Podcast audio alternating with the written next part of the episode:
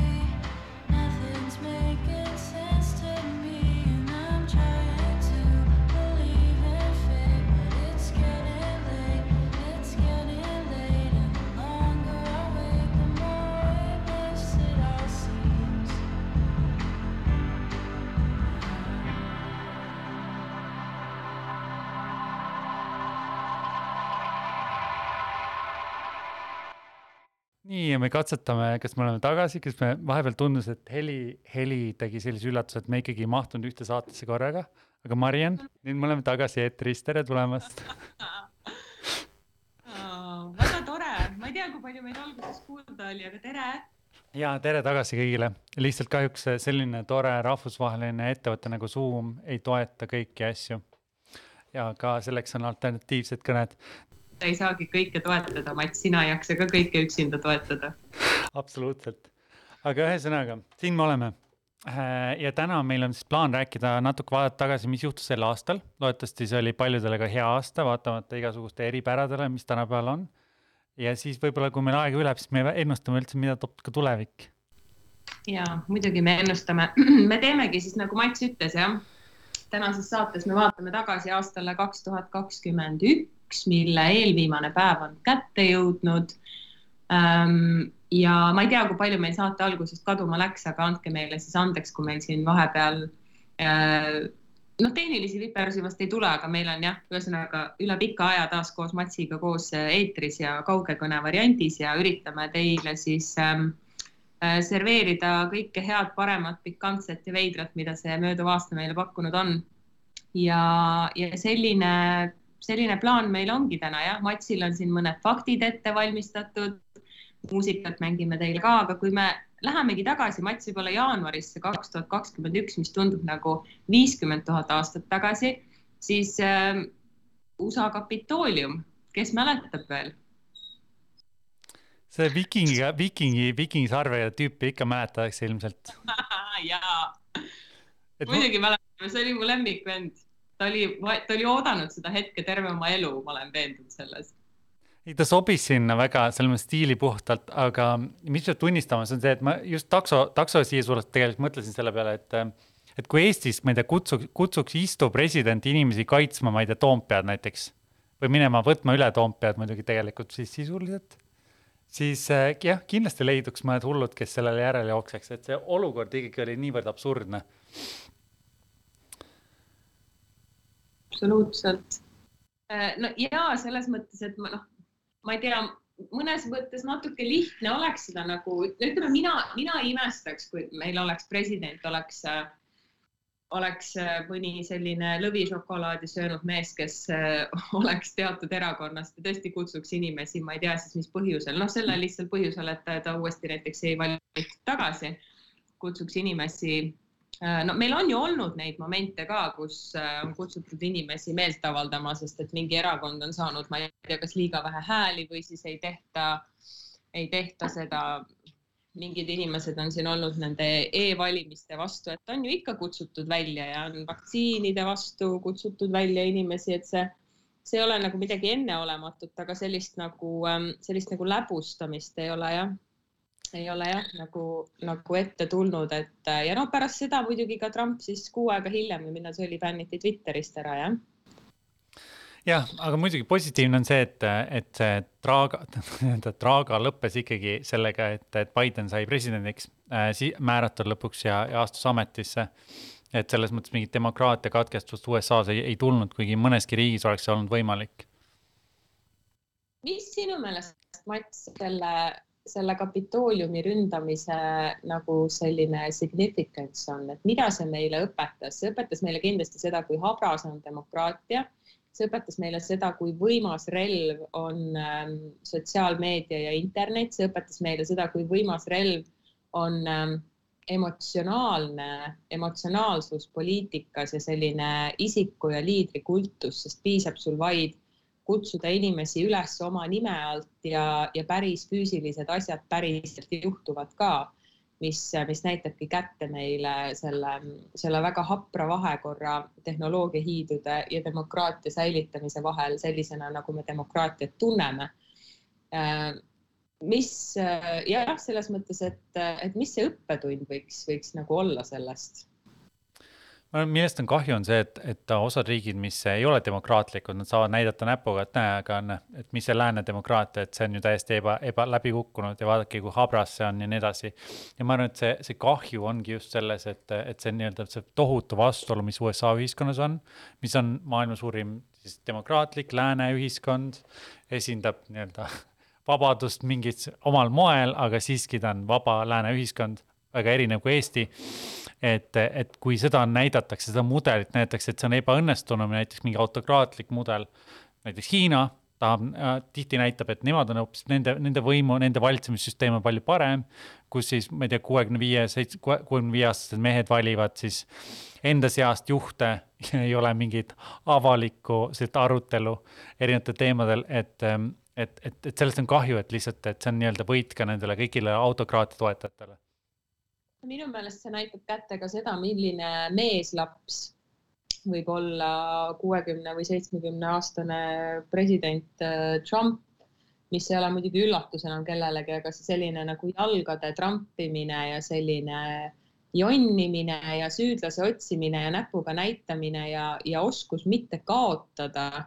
see on selline, see on niisugune nagu prime man child tunnus ja sa ei ootaks seda inimesed, kes on jõudnud juba vanusesse kuuskümmend pluss, aga, aga see on mingisugune ekstraordinaarne äh, intelligentsuse ja nagu empaatia puudumine, kui sa sellist spektaaklit endale lubada saad ja, ja ma arvan, et mis, mis on nagu noh, kui selline USA poliitika võib-olla igapäevaselt jääb kaugeks, siis, siis mis mina soovitaks siit nagu koju võtta, on see, et et õppige ja hakake märkama neid inimesi teie ümber, kes niimoodi käituvad mingites teatud olukordades ja siis teadke, et teadke, et tasub võtta väikese ettevaatlikkusega seda, et, et sellised iseloomuomadused on, on ähm, tänapäeva maailmas, kus paljud inimesed tunduvad, et tun, tunnevad, et neil on liiga tehtud, siuksed isikuomadused on väga levinud. et poliitika ei ole midagi sellist kauget ja kummalist, et, et selliseid ähm, pooletoobiseid lõvi, lõvišokolaadimehi on igal pool, igas poliitikas ma arvan, eks see on lõpuks ka see, me tahtsime rääkida mingi, mingil määral ka vandenõuteooriatest, et see kanon oli vist peamine, mida, mida nad uskusid, et, et kokkuvõttes valeinfoga sa saad ka panna inimesi tegema praktiliselt ükskõik mida. kui nad väga pikalt selles nii-öelda valeinfo kanalis on ja eriti kui nad on seal grupina, inimgrupina, inimesed ümberringi usuvad sama. Et, et sellest on kahju, aga jah, see on reaalsus, et, et tegelikult inimene erinevas olukorras psühholoogiliselt on, on võimalik väga kergesti mõjutada jah, ja siis nad seal valideerivad mõnusasti üksteist ja, ja marineeruvad omaenda mahlas ja, ja, ja nii ongi, et noh, ega see ei ole meile uus info, aga me ei saa sellest üle ega ümber, sellepärast et täpselt nii habras meie demokraatia tänasel päeval ongi. Aga meil on teisi teemasid ka, mis jaanuaris me, me jätkame küll USA lainel praegu, aga, aga maailma asjadest, maailm, me jõuame Eestini ka, aga mida me veel jaanuaris teada saime, oli see, et et Elon Muskist sai siis maailma kõige rikkam mees äh, saja kaheksakümne viie miljardi dollari suuruse varandusega ja temast siis miljardi dollari võrra allapoole jääb Amazoni suuromanik ja teine kosmosemees nimega Jeff Bezos, kelle vara väärtus on siis sada kaheksakümmend neli miljardit dollarit ja mõni kuu hiljem me siis nägime, kuidas ähm, Bezos ja Richard Branson, aga me teame, et ka Musk äh, siis äh, plaanib samamoodi siis kosmosesse lennata. Äh, ja, ja, ja see on lihtsalt näitab nagu sellist ähm, miljardäride nagu sellist irdumist võib-olla sellisest nagu tavalisest maailmast, et millega tegelevad mehed samal ajal, kui, kui maailm läheb pehmelt öeldes nagu nagu rappa omadega rööbastelt maha, siis ähm, kui sul on sada kaheksakümmend viis miljardit dollarit milli üle, siis sa võidki teha mida iganes sa tahad. ja mina vaatan alati väga suure skepsisega nagu mingisuguseid Elon Musk'i mingisuguseid karjäärisoovitusi ja, ja mingid tema mingid tsitaadid on kusagilt välja kraabitud ja, ja Instagrami üles pandud kui mingisugune tohutu, ähm, tohutu mingi karjääri ja, ja edu nõuanne et äh, Elon Musk ja tal on nagu täpselt sellised iseloomuomadused teda võiks kirjeldada nagu igat teist sellist kogemata ülirikkaks saanud inimest. et ega sinu rikkus veel ei valideeri sinu nagu IQ-d. Mariann, kas sina ei tahagi saada rikkaks meheks, kes läheb kosmosesse? ma olen rikas mees juba see tsitaat, selle ma võlgnen siis Sherile, kes, kes teab seda ütlemist ja Mother I am a rich man selle asemel, et soovitada naistele leida omale rikas mees, siis Mother I am a rich man. aga ei, muidugi ma tahaks olla, muidugi ma tahaks olla, issand jumal, ma siin Londonis elades iga päev mõtlen, millast, millal saab minust nii rikas mees, et ma saaks siia elama jääda forever. usu mind, ma päev. ja siis sa loed Elon Musk'i tsitaate, onju jah, tegelikult ütlevad karistada välja mis on muidugi see, et äh, jah, kosmoses, selles mõttes kosmoseuuringud kindlasti peavad olema ja, ja, ja kindlasti on uusi ja huvitavaid asju tehtud, aga loomulikult kosmoseturism kui selline, et, et, et on paremaid nagu CO2 kasutamise meetodeid aga need mehed ei tegele kosmoseuuringutega. ei, tegelikult tegelevad sellepärast, et ähm, SpaceX vaata on, on, on mingeid uusi tehnoloogiaid tegelikult saavutanud, millega näiteks raketti saab maandada, mida varem keegi ei osanud teha ja et nad suuda-, saadavad ju USA astronaute kosmosesse mis on tegelikult tohutu saavutus, nad tegid, ehitasid selle ettevõtte paari aastaga, mõnede aastatega ülesse, et see on selles mõttes uskumatu. Lihtsalt kui vaadata nagu, mis oleks need kriitilised kohad, kuhu seda raha suunata, siis äh, seda nad võiks nagu natuke ja. rohkem mõelda läbi. ei, võiks Aga maa ei, ka, võiks maa ka ära fix ida, ma olen sellega hästi nõus. ära fix ida, enne kui me kosmost hakkame fix ima, see on tõsi. Mats, mis meil veebruaris juhtus? veebruaris bänniti Trump Twitteris, seda me juba ja. mainisime. Good Riddance, ta ehitab vist enda mingit sotsiaalportaali ka loomulikult, ma olen midagi lugenud selle kohta, aga ei tea väga palju. ma ei ole lugenud, aga see ei kõla üldse hästi. Trump ehitab oma sotsiaalportaali. jah, igatahes ilmselt väga palju ei juhtunud, kui me ei, midagi ei mäleta veebruarist.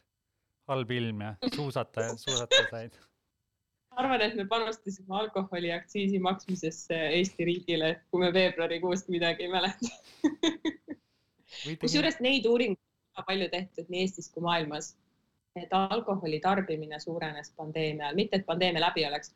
alkoholi tarbimine suurenes pandeemia ajal, eh, seksmänguasjade tellimine internetipoodidest suurenes pandeemia ajal, eh, inimeste vaimse tervise eh, allakäik suurenes ma ei tea, kas need kõik omavahel seotud on, ma arvan, et need on katsed olnud leevendada oma vaimse tervise allakäiku, tellides alkoholi ja vibraatoreid e-poodidest ja sa... muid asju. aga, aga ma ei tea välja nüüd, ma arvan, et meil läheb veel vähemalt kümme aastat, et me saaks nagu tagasiulatuvaid uuringuid teha ja vaadata, et, et kuidas me siis toime tulime selle isolatsiooni Amiga.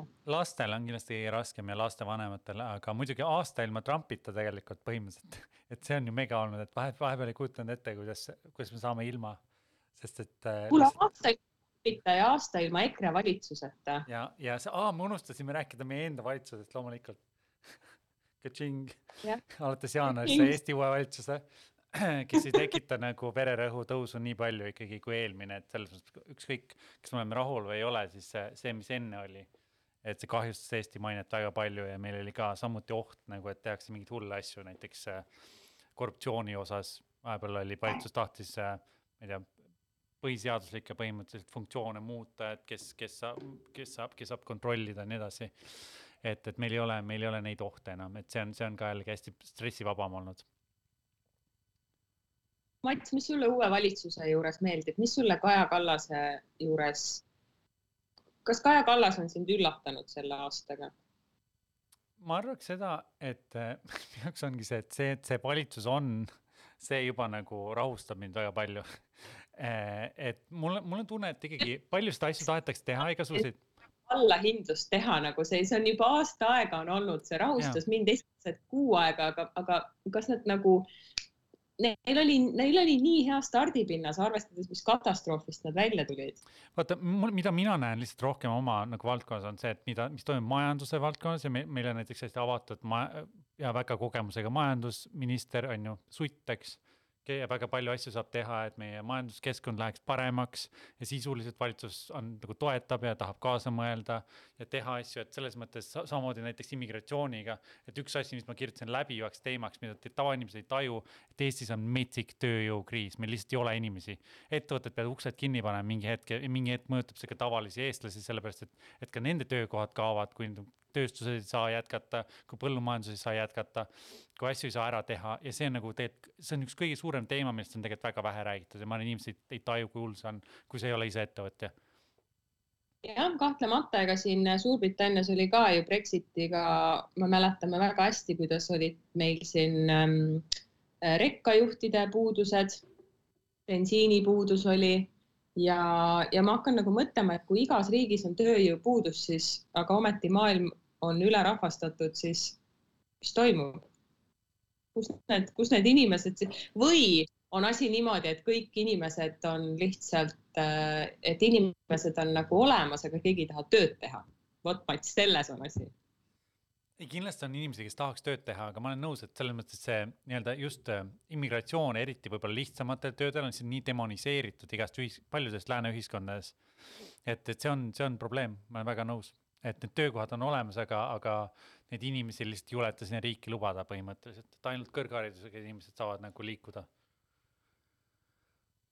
Noh, jah, selles mõttes, eks ikkagi igas riigis on ka noh tõsi on muidugi ka see, et nagu elukallidus on nii palju suurenenud, et, et isegi olles nagu rasketes tingimustes, siis äh, ega igale tööle minek ei õigusta ennast ära, sest esiteks, kui sul ei ole inimväärseid töötingimusi ega inimväärset palka, siis, äh, siis ma leiangi, et ega tööandja ja riik peavad ka järgi tulema, et me ei saa elada e-, edasi üheski riigis niimoodi, et me maksame inimestele palka mis äh, ei ole konkurentsivõimeline enam samal ajal, kui äh, toiduhinnad kallinevad, elektri hind kallineb ja, ja nii edasi. et ma arvan, et siin on äh, mingit suuremat sorti paika loksumist vaja ja olemata majandusteadlane ei hakka ma siin suuri soovitusi tegema, aga tõsi on, et need käärid lähevad järjest suuremaks ja, ja mis selle tagajärg on, on, on muidugi see, et et võib tekkida, noh, see tekitab sellist sotsiaalset rahutust ja see tekitab poliitilist rahutust ja, ja me näeme selle vilju muidugi selliste mõnusate poliitikate nagu populaarsuses, nagu me just enne mainisime, nii et jah. Ma arvan, et siin on muidugi suur vahe ongi Anglo-Ameerika ja siis võib-olla kontinentaalse Euroopa vahel, ma ei tea, Saksamaa näiteks on, on hästi erinevas või, või, või ka näiteks äh, Skandinaavia on hästi erinevas positsioonis kui UK ja USA aga Eesti muidugi tegelikult on ka mõnes mõttes selle UK-USA nagu süsteemi sarnane. et meil on tegelikult hästi liberaalne majandus, kapitalimaksud on hästi madalad, see tähendab seda, et sa saad jõukust tõesti toe, toota, on ju. aga noh, me tuleme majanduse teemade juurde võib-olla tagasi, aga ma ütleks lõpetuseks lihtsalt Kaja Kallase puhul võib-olla seda, et et inimestele meeldib see või noh, kes temaga töötavad, on see, et kui ta läheb mingile kohtumisele, siis ta loeb kõik asjad läbi ja teab nagu, mis toimub. ta oskab nagu kaasa rääkida, et ta ei ole, ta ei ole nagu sisukauge, et see on üks asi, mida lihtsalt inimesed ütlevad, kes temaga on koos töötanud, kui ta läheb mingile visiidile, räägib mingite ettevõtetega, teeb mis iganes, et, et kelle, keegi ei pea nagu piinlikkust tundma, et see on ka oluline. ja, ja, ja kõikide, kõikide peaministrite puhul see kahjuks ei ole nii olnud.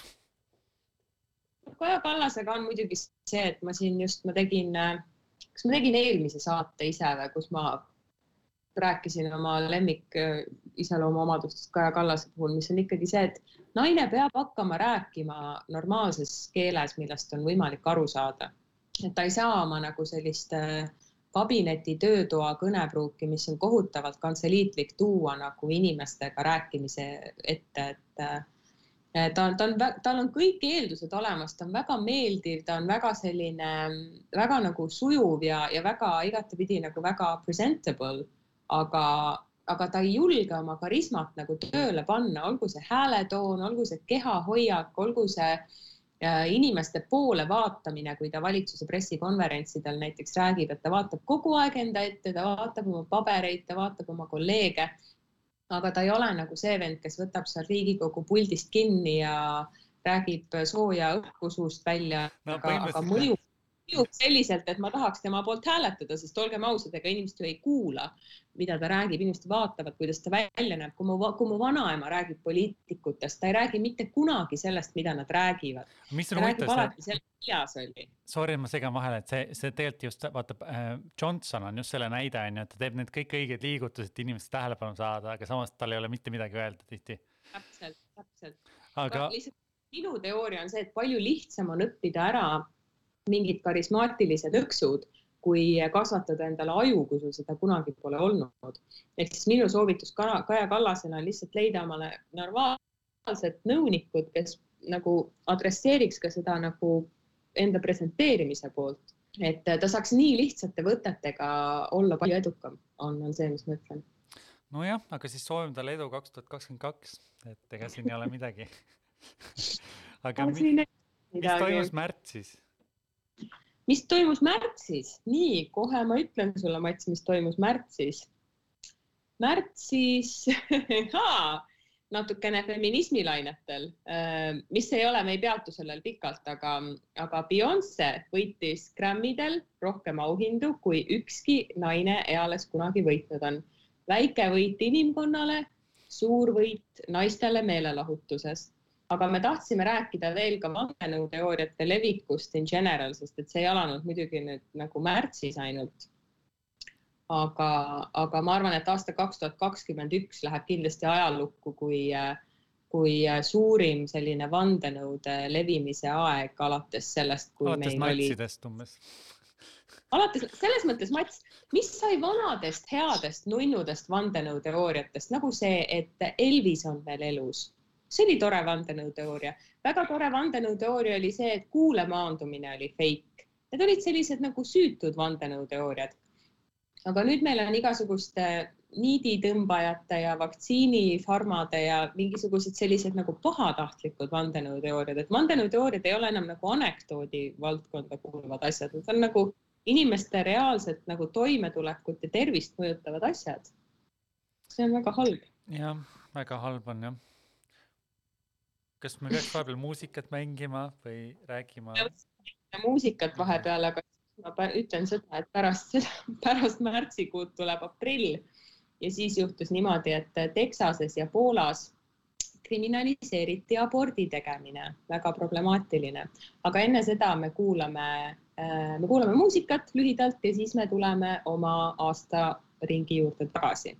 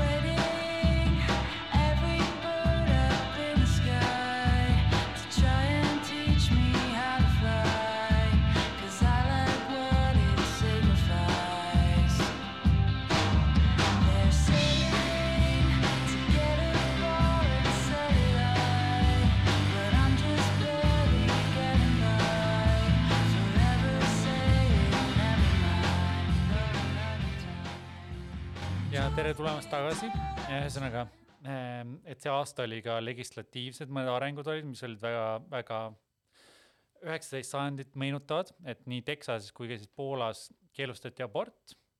Ehm, ja, ja kui me vaatame, mida Poola president näiteks hiljuti, Andrzej Duda siis äh, jättis hiljuti jättis hiljuti nimetamata ühe seaduse, mis puudutas meediavabadusi, mida, mis oli ka väga kardetud, et see on tõesti löök Poola demokraatiale, kuna see, see oli suunatud küll kõigi nagu välisomanduses olevate meediaettevõtete vastu, aga, aga see, see oleks, see oleks, see oleks keelanud ka suurima opositsioonilise telekanali ära.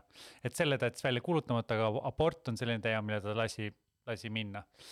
et, et selles mõttes väga-väga üllatav see on nagu natuke jõhker jah, et, et äh, aktivistid ju panid kokku ja noh, poliitilised op oponendid panid ju ka kokku näiteks Texase selle nende senati äh, kohta, et, äh, et noh, et kes siis nagu hääletasid abordi kriminaliseerimise poolt. Ja mõistagi on need ma ei taha nagu kukkuda jälle sinna auku, kus me heietame sellest, et nagu keskealine valge mees on kõiges süüdi, aga no, no nui neljaks midagi pole teha, et mida on viiekümne, kuuekümne aastastel meestel kusagil Texase mm,, Texase, saatsin vallavolikogus öelda, seal on mingi, seal on mingi kolmkümmend miljonit inimest vähemalt vallavolikogu. sellega, et et kuidasmoodi nagu naised peaks oma reproduktiivtervise eest noh, mida nad tohivad ja mida nad ei tohi teha, et see on nagu selline dogmaatiline õudus lihtsalt, et no täiesti uskumatud, noh nagu noh, ma ei, ma ei, ma ei, ma ei tea. et see on jälle selline nagu oma võimu oma võimu nagu demonstreerimine, et selline nõrgemate üle otsustamine ja, ja pugemine selle egiidi alla, et, et maa tuleb täita lastega, et see on, see on problemaatiline jah. jah, aga ma ei tea, liigume edasi, aasta, aasta läks kiirelt, et eks need teemad on, mis kusagile ära ei kao, et nad tulevad tagasi. Ja ei, meil on siin suured asjad hakkavad veel juhtuma, et siin hakkavad väed hakkavad Afganistanist välja tulema, aga maikuus, enne veel, maikuus, kui me täna tegeleme omikroniga, siis maikuus sai ametlikult omale nime delta tüvi äh,. nimetati seda siis pikka aega India tüveks, aga siis saadi aru, et oi, et see on võib-olla natuke äh, huvitav. Delta on vist India pluss UK tegelikult nende merger.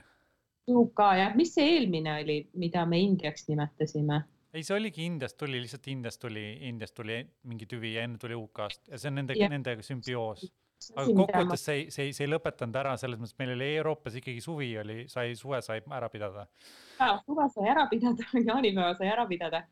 aga näiteks, mis ma Eesti meediat jälgides avastasin, oli see, et Eesti meedia väga pikalt kasutas veel seda India tüve terminit, äh, enne kui me hakkasime delta tüvest rääkima. et UK meedias ikkagi nagu selliseid äh, ütleme majanduslikult vähem arenenud riikidega seotud ähm, selliseid nagu halvustavaid termineid, puudutagu see koroonat, puudutagu see ükskõik mida, et, et, et siin nagu sellist asja ikka ei kasutata, et, et noh, väga lihtne on siis noh, nagu India, Indiast pärit inimestega hakata seda nagu seostama, et, et selles mõttes jah, rääkigem ikkagi delta tüvest, aga ma enne küsisin Matsu käest, aga ma ei mäleta, meil vist läks ähm, tehnikal läks lappama. kas sina oled omikronist pääsenud senimaani? mulle tundub küll. tubli, minul oli, minul, ma muidugi ei tea, kas see oli omikron, eriti lame oleks, kui mul oleks olnud nagu delta, aga ma arvan, et see oli omikron, sellepärast et UK-s on kõigil omikron, kõik, keda ma tean, kõik on lihtsalt koroonas ja mina lootsin sellest pandeemiast tulla välja puutumatuna. mõistagi ma, ma olen vaktsineeritud kaks korda. Boosterit ma ei ole veel saanud, sest et ma maadlen siin kohaliku NHS-iga, et saada ennast üldse arvele võetud. aga minul oli eelmisel nädalal koroona. Äh, sest et ma tegin isegi oma koduse testiga, sain kaks triipu kätte. aga selles mõttes oli nagu easy, et äh, kaks vaktsiini all oli nagu sihuke noh, ütleme poolteist päeva oli nagu raske olla. aga, aga aga tulime välja, ma tean, mul sõpradel, kellega me käisime jõuluõhtusöögil vahetult enne, neil läks natuke raskemini ja muidugi me käisime väga suurel stand-up ähm, show'l, kus oli äkki müüdud äh, kakskümmend tuhat piletit, et terve, terve Hammersmith Apollo, see oli nagu suurem kontserdisaal kui Estonia ooperimaja et, et koomik Daniel Sloss, kes tuli lavale, ütles, et äh, mul on väga hea meel, et te kõik nagu gamblite oma jõuludega praegu ja me gamblisime oma jõuludega nii hästi, et, et saime omale sealt koroona. nii et äh, omikron minust mööda ei läinud jah, ja ei, ei tule mina siit pandeemiast läbi puutumatuna, nii et sain ka oma, oma laksu kätte. noh, aga siis on jälle mõneks ajaks korras, et see on jälle positiivne ma loodan jaanuari lõpus saada omale selle boosteri, sest ma tulen veebruaris Tallinnasse. ja ega ma tahtsin lihtsalt öelda, et kõik, kes kõik need seitse koma viis inimest, kes seda saadet kuulavad, et eh, tahaks teid veebruaris näha. aga selles mõttes, et siis sa saad olla lihtsalt koroonavastastega, kui sa boosterit ei saa, ei saa restorani sisse, aga et leiad uusi sõpru ja saad uusi vandenõuteooriaid teada ka kindlasti. ei, mul vist see vaktsiinipass ikka kehtib veel veebruarini, et ma, kas Eestis oli nüüd see, et pärast üheksat kuud vaktsiini see tõend kaotab kehtivuse ära või? jah. no ei, ma tahan oma boosteri ikkagi saada kätte. kuule, Suurbritannia on riik, kus on vaktsiinide küllus. ma loodan siin saada mõne nõelaga pihta. aga mis juhtus veel maikuus, maikuus juhtus see, et, et Valgevene otsustas kaaperdada ühe Ryanairi lennuki, mis lendas Ateenast Vilniusse ja kus oli peal ka siis üks kuulus opositsionäär Valgevenes, kes juhtis meediaportaali, mis oli väga elav ja väga palju äh, siis jälgiti seda. tema nimi oli Roman Protasevitš ja ühesõnaga peale selle tekkis tohutu, tohutu vastuolu Euroopa Liidu ja siis Valgevenega, ühtegi lennukit Valgevenesse tegelikult üldiselt ei lenda enam Euroopa oma ja äh, kui sinna minna, siis tuleb minna Turkish Airlinesiga muuseas, kui Eestist sa tahad minna Valgevenesse lennukiga äh,. ja, ja Valgevenega on need vastuolud jõudnud sinna, et siis migrante hakati kasutama sisuliselt inimkilbina nii-öelda Valgevene poolt äh,. et juhatama sinna piirile ja siis äh,, ja siis jällegi pool, sealt on tekkinud hästi raske olukord äh, migrantidega piiril keda siis ei kohe, koheldakse väga halvasti ähm,. aga samas on see, et need riigid jällegi on, on olukorras, kus nad ei saa lubada, et Valgevene saadab sinna kõiki, on ju, et, et selles mõttes see on hästi väga-väga keeruline olukord jätkuvalt. aga Mats, mida me õppisime sellest, kas maailm tegi ka mingi, kas, kas rahvusvaheline üldsus ähm, käitus adekvaatselt selle, selle kaaperdatud lennuki nagu järelkajadega tegelemisega või? No see olukord on jällegi see, et, et kui palju lubada Lukašenkal lihtsalt, ähm, kas me tunnustame seda režiimi, kas me tunnustame seda riiki, kas me tunnustame seda, et ta võltsis need valimised. ja noh, see on see küsimus on ju, et kui me oleme nii-öelda toetame demokraatiat, siis me justkui ei tunnusta, on ju, et me ei tule talle vastu, aga seda ta muidugi sooviks, et me lihtsalt äh, lepiks kõigiga ja ütleks, et jah, valitse, valitse on ju, vahet pole, et äh, ma ei tea, väidetavalt kaheksa kuni kaheksakümmend protsenti tema rahvast tahtis temalt lahti saada aga, aga see suurem pilt on ikkagi see, et me vaatame ida poole Moskvasse, et, et need inimesed, mis nad seal mõtlevad, et, et nad ei sooviks sama asja näha Moskva tänavatel. ja sealt, sealt tuleb ka see Valgevene reaktsioon, miks see, miks ja, ja nende toetus Valgevenele on väga-väga suur mm. -hmm jah, see lihtsalt jälle näitab minu meelest selliste poliitikute puhul, et nahaalsusel ei ole piire, et et meile kellelegi ei tule üllatusena, et Lukašenka on äh, autoritaarne valitseja aga, aga ikkagi täpselt nagu ka Trump, et mingil hetkel teevad need juhid selliseid samme, mida sa tegelikult ikkagi nagu ei ootaks, et see on noh, enneolematu igasuguste nagu piiride ületamine, et ähm, et seda jah, see oli väga-väga kurb lugu, aga, aga mida on näiteks tore näha, tore näha, aga ütleme, selline Valgevene opositsiooni liikumine ja eelkõige, eelkõige näiteks Valgevene feministlikud kogukonnad kes on äh, praeguse võimu suhtes väga kriitilised ja, ja tänavatel käivad ja Fotograafikas on ka nendest liikumistest palju näitusi olnud, äh, teistes galeriides kindlasti ka. aga, aga see lihtsalt nagu näitab, äh, näitab kätte seda, et kuidasmoodi just Valgevenes naised, eelkõige nooremad naised kolmekümnendates, neljakümnendates, aga ka nooremad on võtnud selle mm, nii-öelda enda südameasjaks ja, ja tõstatavad ka väga paljusid teisi Valgevene ühiskonnas äh, selliseid patriarhaalseid äh, probleeme ja, ja riskivad oma eluga ja riskivad oma vabadusega, riskivad oma laste saatusega väga palju.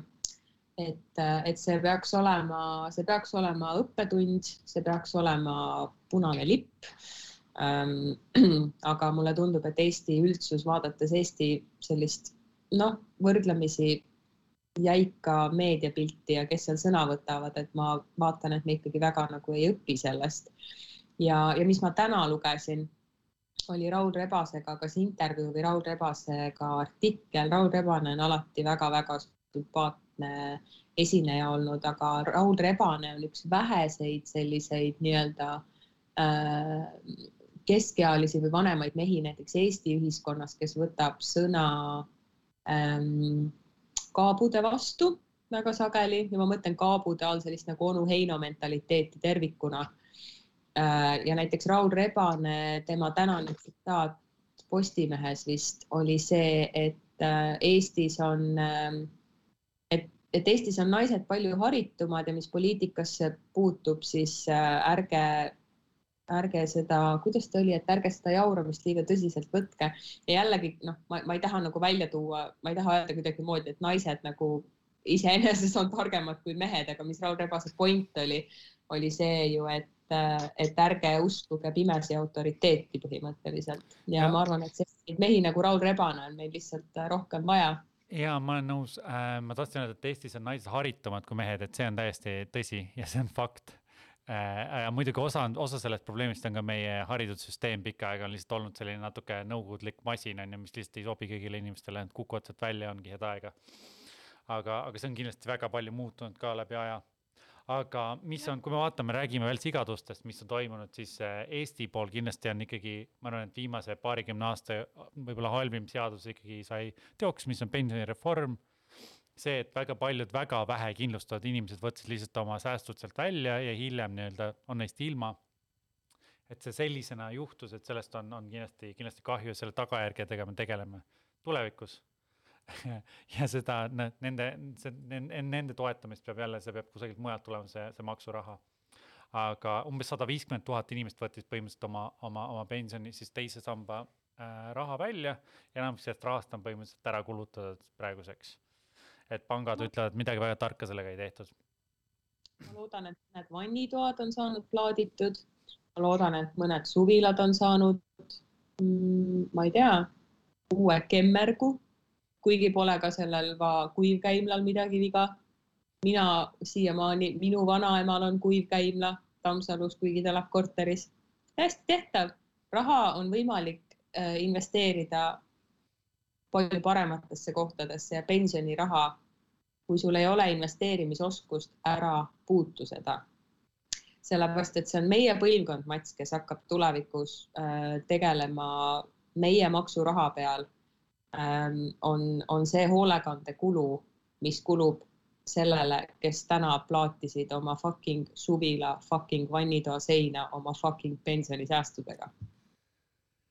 jah ja mis juhtus võib-olla septembris veel, kui me, sest aasta lõpeb meil varsti ära sa üritad väga-väga selline viisakas ja soliidne olla, ma lihtsalt jauran. diplomaatiliselt lihtsalt, ei lihtsalt meil saab aeg otsa varsti, ega siin ei ole mingit nalja äh,. Aukuse kokkulepe, mis oli see, et, ähm, et nii-öelda kolm riiki tulid kokku, Austraalia ähm,, UK ja USA ja tegid kokkuleppe sisuliselt ja siis ähm, tuumaallveelaevade tehnoloogia vahendamiseks ja see oli, see oli üks asi, mis ärritas Hiinat nagu tohutult, et, et põhimõtteliselt Vaikse ookeani poole liigub ka see nii-öelda kaitse, julgeoleku probleemide kese maailmas mõnes mõttes.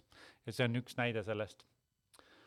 Ähm, et jah, kui me selle aasta tagasi vaatame, siis on kindlasti hästi äh, märgiline, Austraalia on ka suures tülis Hiinaga olnud hästi pikka aega, et nad kritiseerivad Hiinat inimõiguste teemal ja Hiina lihtsalt keeldub nende mingit kaupa ostmast ja tahab natuke kohta kätte näidata. Austraalias on juhtunud selliseid asju ka, et näiteks äh, uiguuri põgeniku koju ette ilmub auto, mis näeb välja nagu Hiina politseiauto, et see on juhuslikult samasuguseks värvitud lihtsalt et, et seal on väga huvitavad asjad jah, mis toimuvad seal, seal regioonis äh,. Mats, sa tead, mis oktoobris juhtus? oktoober ei olnud üldse kaua aega tagasi, see oli ainult kolm kuud tagasi. räägi. Launch'is Facebook Mark Zuckerberg ütles, et nüüd meil on vaja maailmale sellist asja nagu meta. Metaverse tekkis meie teadvusesse oktoobrikuus ja mulle tundub, et me vaikimisi oleme kõik selle liikmed, sest olgugi, et ma ei ole seda, seda nagu veebikeskkonda veel avanud, aga ma arvan, et kõik Facebooki ja Instagrami ja Whatsappi kasutajad on vaikimisi meta liikmed või meta kasutajad. ma ei ole isegi päris täpselt aru saanud, et mida see mulle andma peaks, ma tean, et ma saan seal elada virtuaalselt oma unistuste elu, see on natuke nagu Sims. kui sa kunagi mängisid Simsi, ma usun, et meie kuulajad on kindlasti Simsi mänginud või mängivad seda ka praegu. aga jälle üks andmekogumise hoob juures, ma ütlen. jah ähm,, aga noh, see siiski on USA, USA, USA käes, et selles mõttes ähm, jah, see ei ole Hiina või Venemaa ettevõte jällegi et, et see on alati huvitav. aga mis veel oktoobris juhtus? räägi mulle UK-st, mis seal toimus? mis meil veel juhtus, no oktoobri alguses, tegelikult septembri lõpus hakkas juba pihta see suur bensiinipuudus, mille kohta Boris Johnson ütles, et tegelikult meil bensiini riigis on, seda lihtsalt ei ole bensiinijaamades. ja see on siis otseselt Brexiti, Brexiti rõõm, Brexiti vili ja noh, tänaseks see, see kriis on nagu kuidagimoodi lahenenud, aga et jah, et siis see üleüldine rekkajuhtide puudus ja, ja nii-öelda bensiini tarneraskused, et olid sellised esimesed nagu Brexiti, Brexiti nagu tundemärgid, et, et kes see vaatas, kas sina hiljuti vaatasid või kellega me rääkisime, et, et ikkagi kaubavahetus UK ja Euroopa Liidu vahel on langenud ligi nelikümmend protsenti. et, et noh, jätkuvalt ei oska öelda, kes ja mida sellest Brexitist on võitnud. Mm, UK on niigi väga bürokraatlik riik ja, ja endale bürokraatiat juurde tekitada on, on muidugi mitte kõige targem tegu. ja, aga aga, aga oktoobris olid ka Eestis kohalike mm, omavalitsuste valimised ja Tallinn sai omale uue linnavalitsuse ja ma arvan, et me mm, jätkame selle teemaga pärast seda, kui me kuulame muusikat natuke, jah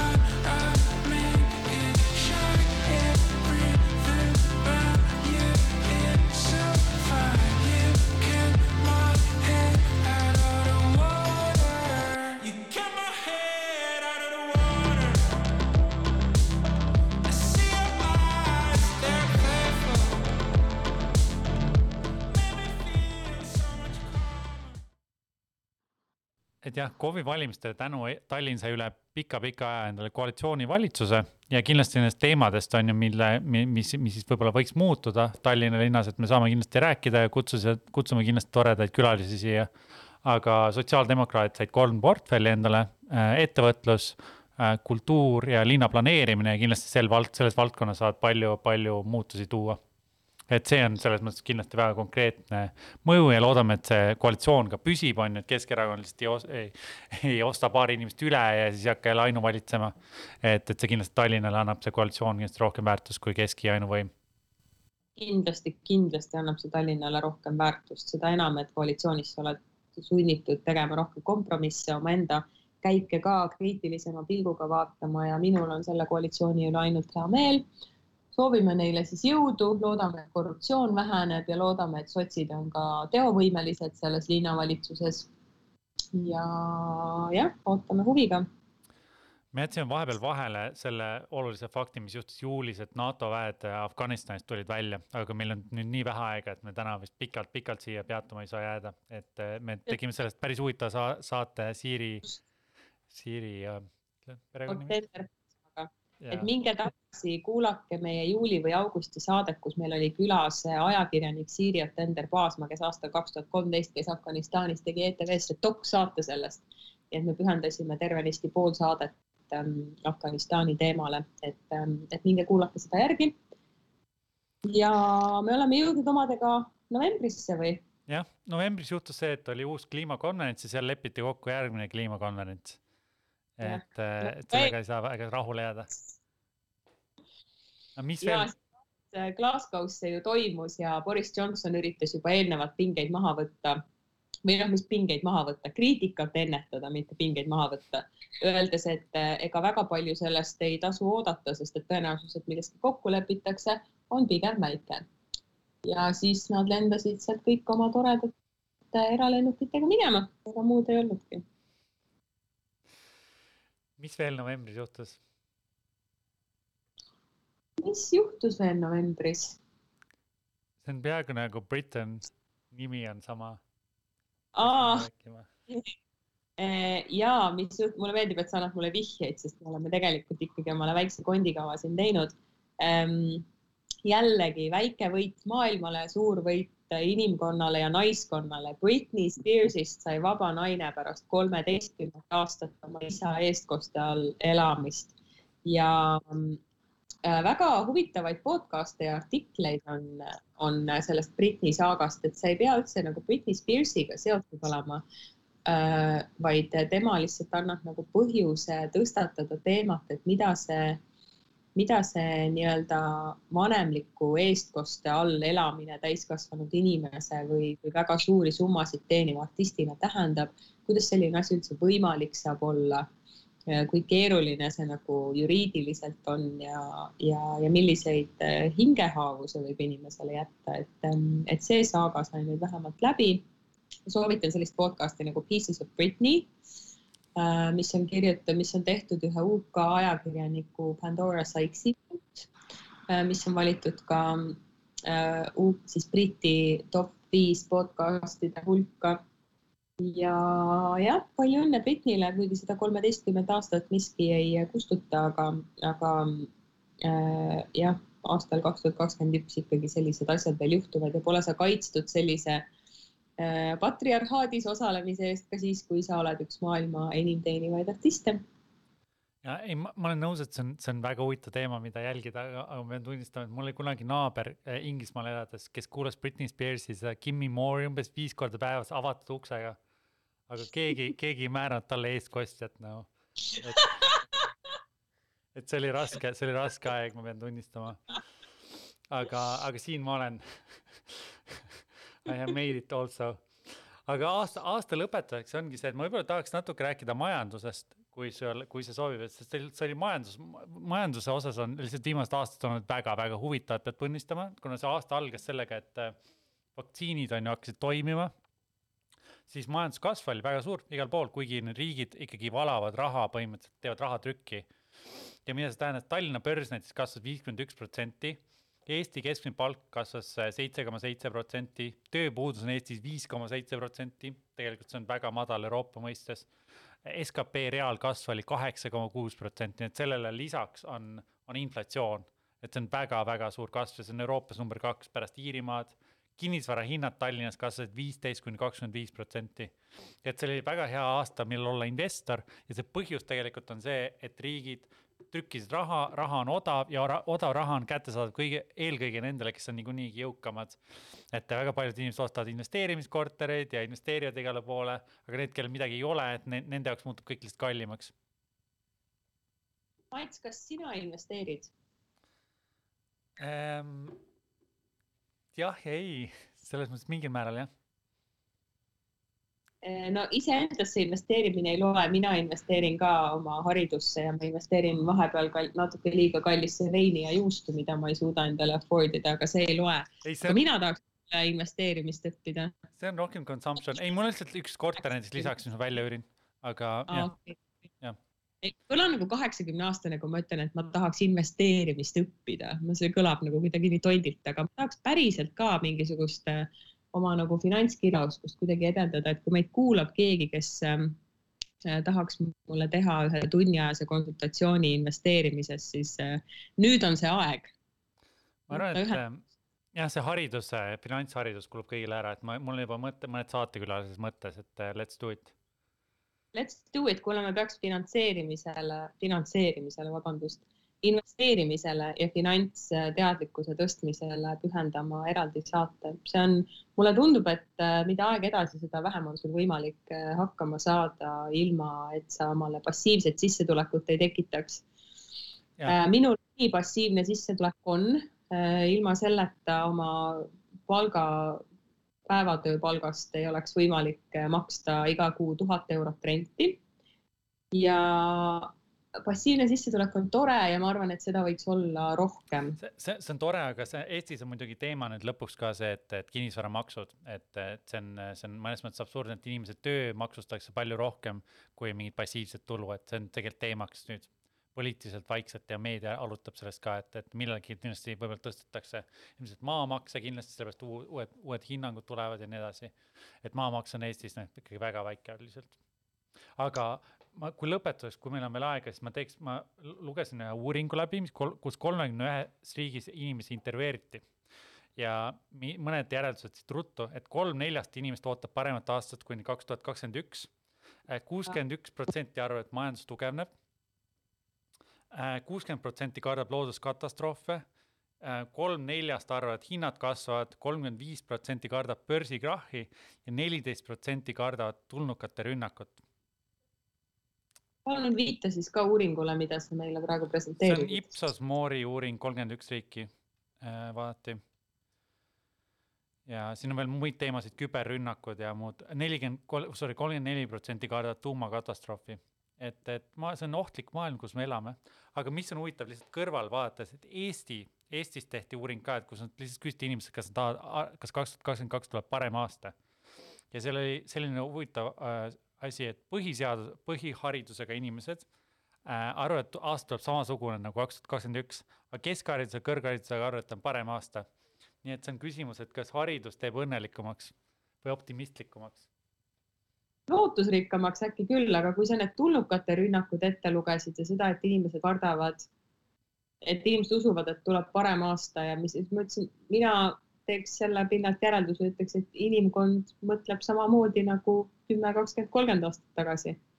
fundamentaalsed inimeseks olemise hirmud, mured ja rõõmud on püsinud samasugused, eks see muidugi suuresti oleneb uuringute puhul ka sellest, mida inimeste käest küsida.